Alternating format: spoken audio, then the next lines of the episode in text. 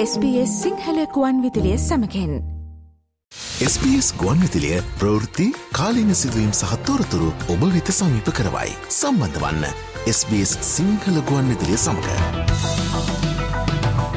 අපි එමනම් සුපුරුදු පරිදි දැන් සෝදානම් වෙනවා මේ ගෙවිලගේ සතියේ ලංකාවේ දේශපාලන ශේත්‍රයෙන් වාර්තාාවන තොරතුරු පිළිබඳව වඩාත් පුළුල්ව සාකච්ඡා කරන්න. ශ්‍රී ලංකාවේ සිට පුරුදු ලෙසින් තොරතුරු වාර්තාකරණයට දැන් අපිත් එක්ක සම්බන්ධ වෙලා සිටිනවා මාධ්‍යවේදී මනෝජ් උදටියාවල. අයිබෝන් සුබ දැසනක් මනෝජ්. අයිබෝන් සුබ දැසනක් දිල්රුක්ෂි. අයවැය තියෙන කාලේ පසුගිය 13 වෙනිදා අයවැය ප්‍රථම වර කියවීම සිදු වුණා පාර්ලිමේන්තුවේ ජනාධිපති රනිල් වික්‍රමසිංහ මහතා විසින් මුදල් අමාත්‍යවරයා විදිහට ඊට පස්සේ දෙවන වර කියවීම 14 වෙනිදා සිට 21 වෙනිදා දක්වා තියෙනවා කියලා අපි පසුගිය සතියේදීත් කිව්වා.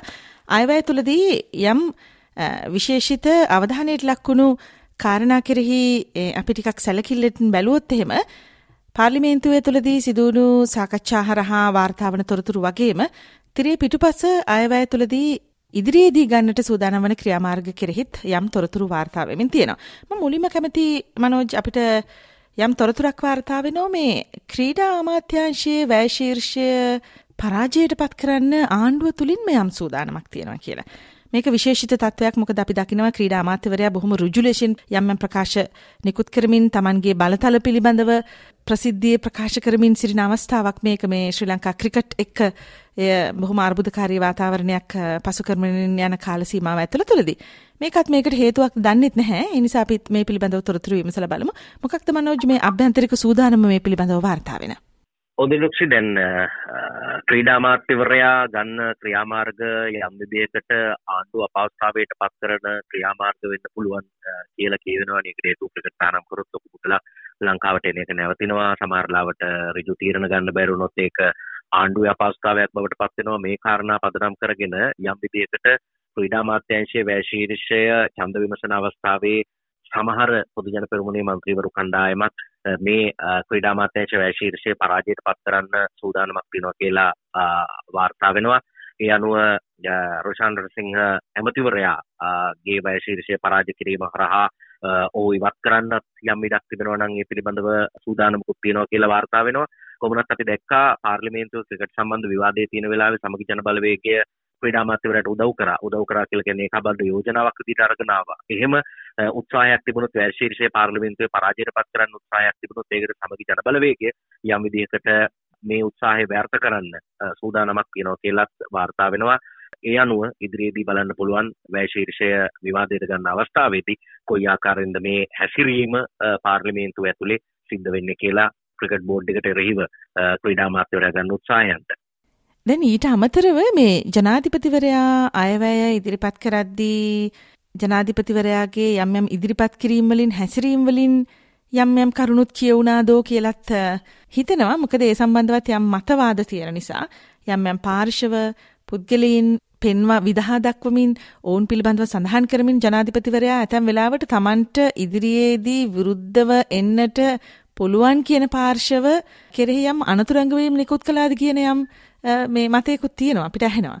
පාර්ලිමේන්තුව තුළ ඒ සම්බන්ධව සිදුවුණු ක්‍රියාදාමය පිළිබඳව දැනගන්න කැමතියි. ඔය යම් විදිහට පාර්ලිමේන්තුවේදී ආයවැය කතාව ජනාධිපතිවරයා ඉදිරිපත් කරන වෙලාවේ දැනට විපක්ෂයේ සමග ජන බලවේගයේ වාඩි වෙලා ඉන්න മന്ത്രിවරුනුත් ඒ කතාවලට සම්බන්ධ කරගත්ත එකට හේතුව තමයි මීට පෙර වසරවලදී ඔවුන් එක්සත් ජාතික පක්ෂයේ විදිහට එකට එකතු වෙලා වැඩ කරද්දී ගත්තු තීරණ සමරලාට මේ අය හරහත් ඉදිරිපත් වෙන්න පුළුවන් නිසා එක උදාහරණයක් තමයි ඔය බ්‍රිතාන්‍ය කාලී ඉඩම් අයිතිය හිමිවෙච්චි ඉඩම් ආයිත් ගොවින්ට ලබා දෙන්න කරපු යෝජනාව රාජීව් සේනාරත්න ඉඩම්මතිවරයා දෙදස් තුන අවුරුද්දේදී මේ වගේ යෝජනාවක් ක්‍රියාත්මක කරා කියලා ජනාධිපතිවරයා සිහිපත් කරද්දී රාජ්‍ය සේනාරත්න මන්ත්‍රීවරයාට ඒ වෙලාවේ ස්තුති කරා. ඒ වගේම දෙදස් තුනේ මේ වැඩේ ආරම්භ කරා. එතකොට ගයන්ත මන්ත්‍රීතුමත් එතන ඉන්නවා.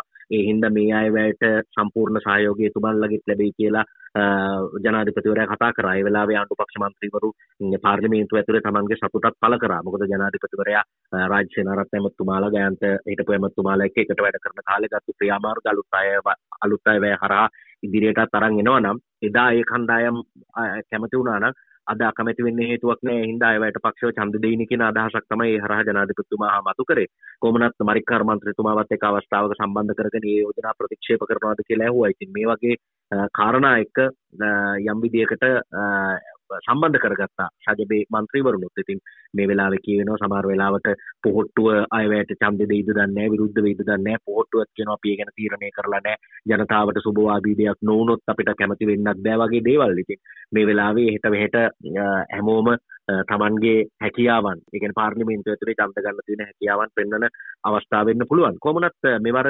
අයවැය කතා විවර වෙලා තේ මේසයක් වෙනුවට කෑම මේසයක් ලෑස්ති කරලා තුනේ දිවා ආහාරය.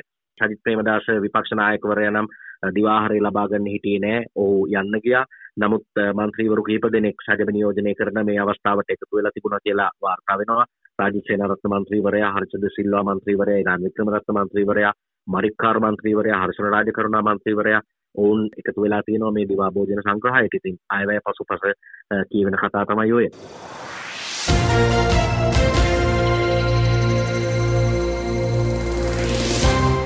හොඳ අයවැයවලින් පස්සේ ක්‍රිකට් කෙරෙහි අවධානය යොමු කරමු.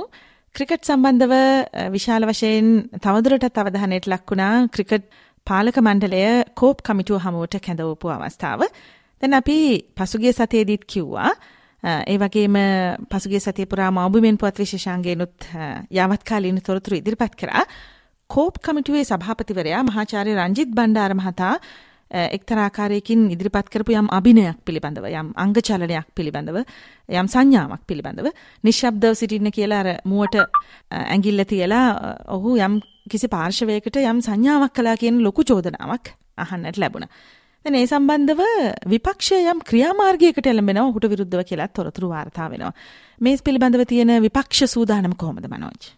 මහාචාර්ය රංජිත් බණ්ඩාර කෝප් කමිටු සභාපතිවරයාට එරෙහිව විශ්වාස භංගයක් අරගෙන එන්න විපක්ෂය සූදානම් වෙනවා. මොකද ශ්‍රී ලංකා ක්‍රිකට් ආයතනයේ කෝප් කමිටුව හමුවට කැඳවපු අවස්ථාවේ රංජිත් බණ්ඩාර මහාචාර්යවරයාගේ හැසිරීම සම්බන්ධයෙන් විපක්ෂය දැඩි විරෝධයක් එල්ල කළා. ක්‍රිකට් ආයතනයයි ඔහුයි අතර තියෙන සම්බන්ධතා නිසා මේ කොන්ෆෙක්ට of ඉන්ට්‍රස්ට් නිසා මේ මුල්පුටුවේ කෝප් මුල්පුටුවේ ඔහු තියාගෙන ක්‍රිකට් ආයතනය සම්බන්ධයෙන් කතා කරන එක පලදායක නෑ කියල තමයි විපක්ෂ මන්ත්‍රීවරු දෙගින්ඩිගටම චෝදනා කරේ.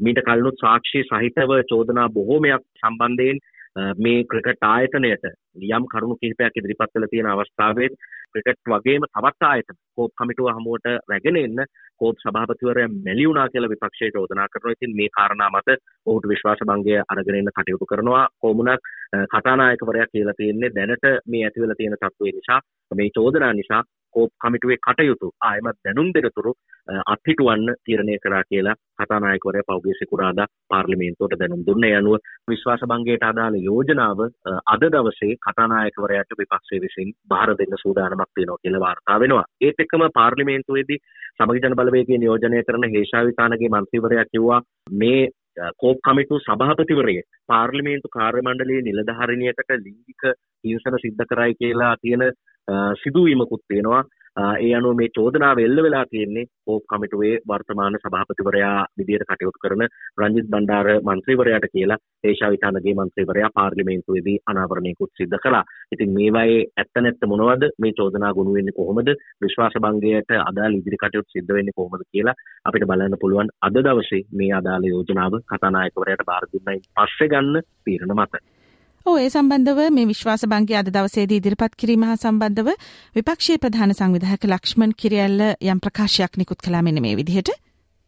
කෝප් කමිටුවේ සභාපති සම්බන්ධයෙන් විශ්වාස භංග යෝජනාවක් ඉදිරිපත් කිරීම ගැන සමගි ජන බලවේගයේ මන්ත්‍රීවරු සාකච්ඡා කෙරුවා. ඒ වගේම විපක්ෂයේ අනිකුත් පක්ෂ සමගත් අපි සාකච්ඡා කළා ලබන සතියේ මුල් භාගයේ අපි විශ්වාස භංග යෝජනාව ඕට විරුද්ධව ඉදිරිපත් කිරීමට බලාපොරොත්තු වෙනවා. SBS ගුවන්විදුලිය ප්‍රවෘත්ති කාලීන සිදුවීම් සහ තොරතුරු ඔබ වෙත සමීප කරවයි. සම්බන්ධ වන්න SBS සිංහල ගුවන්විදුලිය සමඟ. ශ්‍රී ලංකයේ දේශපාලනයේ සම්පූර්ණයෙන්ම වසාගන්නට ක්‍රිකට් අර්බුදය සමත් වුණා පසුගිය සති කිහිපය තුළම. දැන් එතනදී ප්‍රමුඛ වශයෙන් කතාබහට ලක්වෙමින් තිබුණා ක්‍රිකට් පාලක මණ්ඩලය සහ සභාපති ශම්මි සිල්වා මහතාගේ ක්‍රියාකලාපය පිළිබඳව විපක්ෂනායකවරයා සජිත් ප්‍රේමදාස පාර්ලිමේන්තුවට යම් සඳහන් කිරීමක් කළා ශම්මි සිල්වා තමයි ඇත්තටම ICC එකෙන් ඉල්ලලා තියෙන්නේ ශ්‍රී ලංකා ක්‍රිකට් තහනම් කරන්න කියලා. දැන් මේක කවුරුත් දන්න කතාවක්. හැබැයි ඒ සම්බන්ධව සාක්ෂි ඉදිරිපත් කිරීමකුත් සිදු කළා විපක්ෂ නායකවරයා. ඔහු පාර්ලිමේන්තුවට ඉදිරිපත් කරපු සාක්ෂි සහ ඒ සම්බන්ධව අනිකුත් පක්ෂවල මතවාද සහ අදහස් මොනවද එතනදී ඉදිරිපත් උනේ කියලාත් මීළඟට අපි විමසා බලමු. මොනවද මනෝජ් වාර්තාවන්නේ? ඔව් ICC එක ලංකාවේ ක්‍රිකට් වලට ජාත්‍යන්තර ක්‍රිකට් අපිටුවීමක් පැනවුවේ පෞගිය 10 වෙනිදා. ඉතින් මේ පිළිබඳව විපක්ෂ නායකවරයා පාර්ලිමේන්තුවට ඉදිරිපත් කළා ශ්‍රී ලංකා ක්‍රිකට් ආයතනයේ සභාපති ශම්මි සිල්වා. ජාත්‍යන්තර ක්‍රිකට් කවුන්සිලයට ක්‍රිකට් තහනම් කරන්න කියලා ඉල්ලලා යවපු ලිපිය පාර්ලිමේන්තුවේදී සභාගත කළා. පහුගිය 28 වෙනිදා ජාත්‍යන්තර ක්‍රිකට් කවුන්සිලේ සභාපතිවරයාට මේ පිළිබඳව ඉල්ලීම කරලා තියෙනවා කියලා තමයි මේ පිළිබඳව අදහස් දක්වලා සජිත් ප්‍රේමදාස විපක්ෂ නායකවරයා කිව්වේ වගේම ඊට අදාළ ලිපිය සභාගත කරේ. දැන් ඊයේ දවසේ ක්‍රීඩා අමාත්‍ය රොෂාන් රණසිංහ මාධ්‍ය හමුවක් පැවැත්වුවා. ඔහුත් සඳහන් කළා ශ්‍රී ලංකා ක්‍රිකට් ආයතනයේ සභාපතිවරයා ජාත්‍යන්තර ක්‍රිකට් කවුන්සිලයට ලිපියක් ඉදිරිපත් කරා කියන කාරණය ඔහු ඒ ලිපිය මාධ්‍යයට ඉදිරිපත් කරා. ක්‍රීඩා අමාත්‍යාංශයේ මාධ්‍ය සාකච්ඡාවක් තියලා තමයි ඔහු ඒ බව කිව්වේ. ඒ වගේම ශ්‍රී ලංකා ක්‍රිකට් ආයතනය ජාත්‍යන්තර ක්‍රිකට් කවුන්සිලෙන් කරපු මේ ඉල්ලීමත් එක්ක රට පාවා දීමේ වෑයමක් තියෙනවා කියන කාරණයක් ක්‍රීඩා මාත්‍යවරයා යළිත් වරක් සඳහන් කළා මේ පිළිබඳව අදහස් දක්වද්දී. ඔව් පාර්ලිමේන්තුවේදී විපක්ෂ නායකවරයා ශ්‍රී ලංකා ක්‍රිකට් ආයතනයේ සභාපති ශම්මි සිල්වා විසින් මේ ලිපියක් මගින් ශ්‍රී ලංකා ක්‍රිකට් තහනම් කරන්න කියලා ඉදිරිපත් කරපු ඒ කාරණාවලට අදාළව ප්‍රකාශයක් නිකුත් කළා.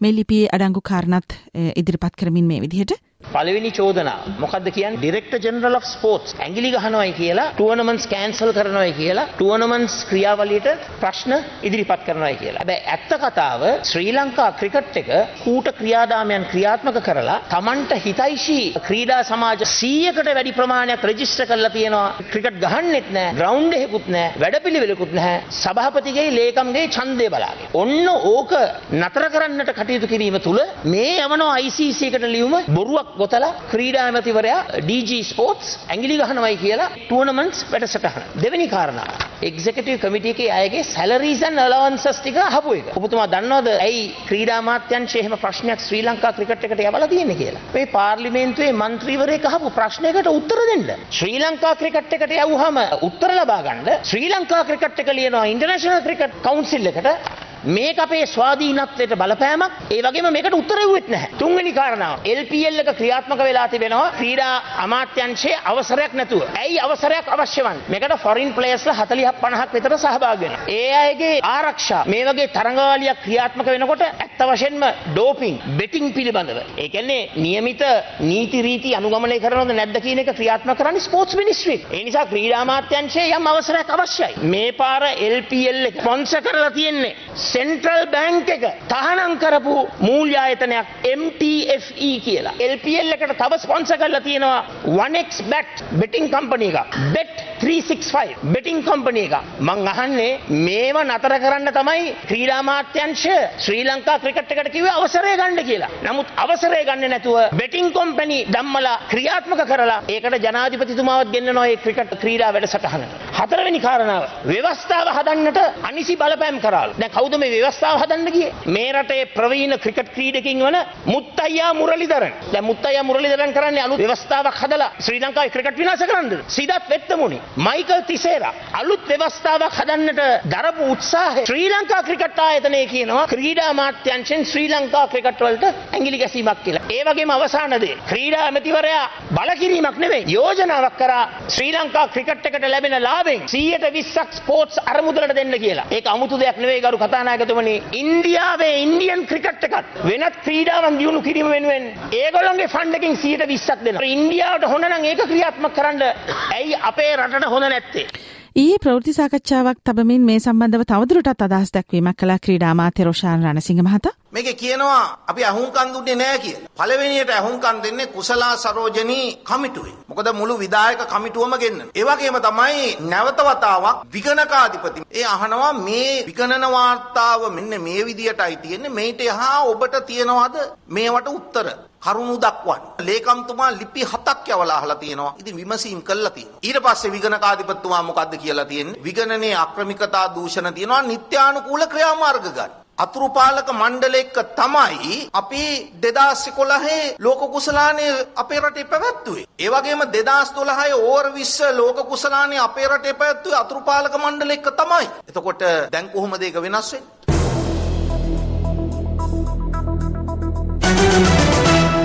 වැඩපලන පොලිස්පති සීඩී වික්‍රමරත්න සම්බන්ධව පසුගිය කාලවකවානුවේදීම දිගින් දිගටම සාකච්ඡා කරනවා. මොකද මේ ඔහුගේ සේවා කාලය දැන් තුන්වෙනි වතාවටත් දීර්ඝ කළා ඉන්නේ. තුන්වෙනි වතාවේ සිදු කරපු සේවා දිගුව මේ සතියේදී අවසන් වෙන්නට යනවා කියලා ආරංචිය.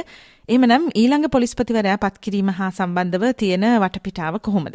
දැන් මෙතනදී මනෝජ් අපිට පාර්ශව දෙකක් දකින්නට ලැබෙනවා විවිධ අදහස් සමගින් පොහොට්ටුව එක්තරා මතයක ඉන්නවා අණ්ඩු පක්ෂයේ විදිහට සීඩී වික්‍රමරත්න සම්බන්ධව ඒ වගේම විශේෂභාර අමාත්‍යවරයා ටිරන් අලස් දේශබන්දු තෙන්නකෝන් මහතා සම්බන්ධව යම් අදහසක ඉන්නවා. ඉතින් මේ පාර්ශව දෙකෙහි අදහස් සහ ජනාධිපතිවරයාගේ අදහස් කොහොමද ගැටෙන්නේ සහ අවසාන වශයෙන් පොලිස්පතිවරයා බවට පත්වන්නට තියෙන වැඩි ඉඩකඩ කා සඳහාද කියන ප්‍රශ්නේ තමයි තියෙන්නේ.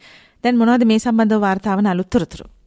ඔව් සීඩී වික්‍රමරත්න වර්තමාන පොලිස්පතිවරයාට තුන්වෙනි වතාවටත් සේවා දිගුවක් ලබා දුන්නා. ඒ සේවා දිගුව නොවැම්බර් මාසේ 3 වෙනි දිනදලා බලපැවැත්වෙන විදිහට තමයි දුන්නේ.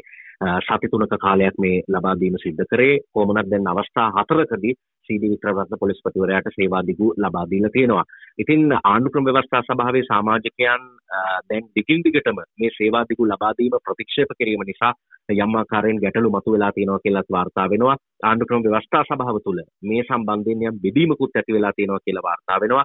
කොමුණත් පොලිස්පති දුරයට අර ඔබත් කිව්වා වගේ ජ්‍යෙෂ්ඨ නියෝජ්‍ය පොලිස්පතිවරුන් ඉන්න අතරේ ඒ අතරිනුත් දේශබන්ධු තෙන්නකෝන් ජේෂ්ඨ නියෝජ්‍ය පොලිස්පතිවරයාව පොලිස්පතිවරයා සඳහා පත් කිරීමට විශේෂභාර අමාත්‍යවරයා කැමැත්තක් දක්වීමත් මේ අර්බුදයක් මතු කරන්න හේතුවක් වෙලා තියෙනවා කියලා මාධ්‍යයක් තොරතුරු වාර්තා කරලා තිබුණා. කොමුණත් දැන් අවසාන අවස්ථා කිහිපෙදී සේවාදිගු ලබා දෙද්දී සීඩී වික්‍රමරත්න මේ මොහොතේ වැඩ කරන පොලිස්පතිවරයාට අනුක්‍රම ව්‍යවස්ථා සභාව ඔවුන්ගේ විරුද්ධත්වය පළ කළා. කතානායකවරයා සම්බන්ධයෙන් අදහස් දක්වලා පාර්ලිමේන්තුවේදී කිව්වේ ඒ පිළිබඳව පත් කිරීමේ බලය ජනාධිපතිවරයාට තියෙනවා කියන අදහස.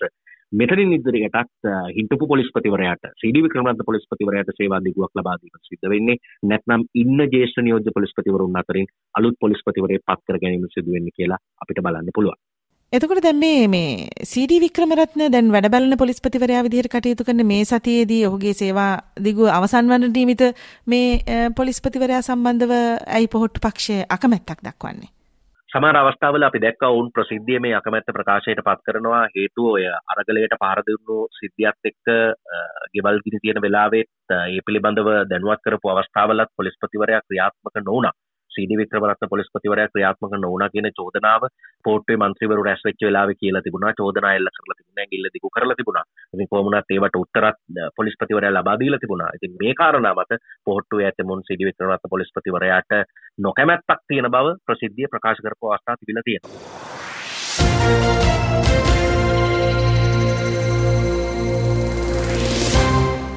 අපි අවසාන වශයෙන් අවධානයට ලක් කරමු වැට් බද්ද සම්බන්ධව වාර්තාවන තොරතුරු දැන් පසුගිය කාලවකවානුවේදී ආණ්ඩු පෙරලන්නට පවා මේ ඇතැම් බදු සමත් වෙලා තිබුණා.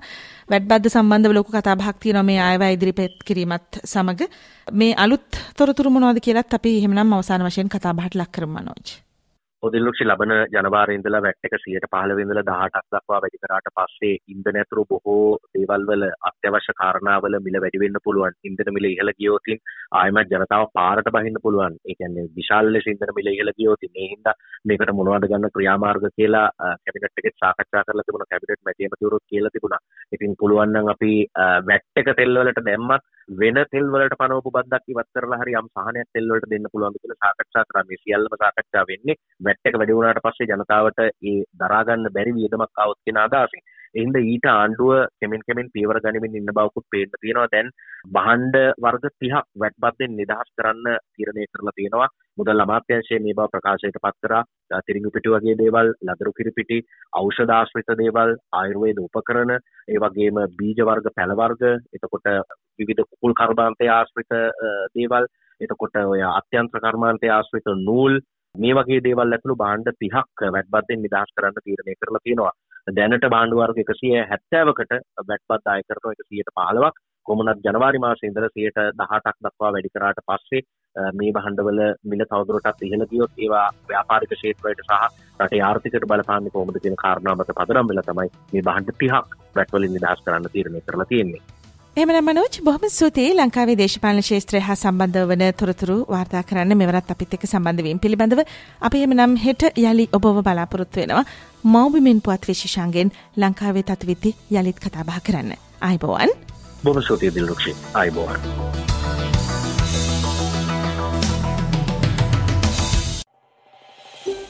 මේ වගේ තවත්තොරතුරු දැනගන්න කැමතිද. එහමනම් Apple podcast Google podcast Spotify ඔබගේ පොඩ්කාස්ට ලබාගන්න ඕනෑම මාතයකින් අපට සවන්දය හැකේ.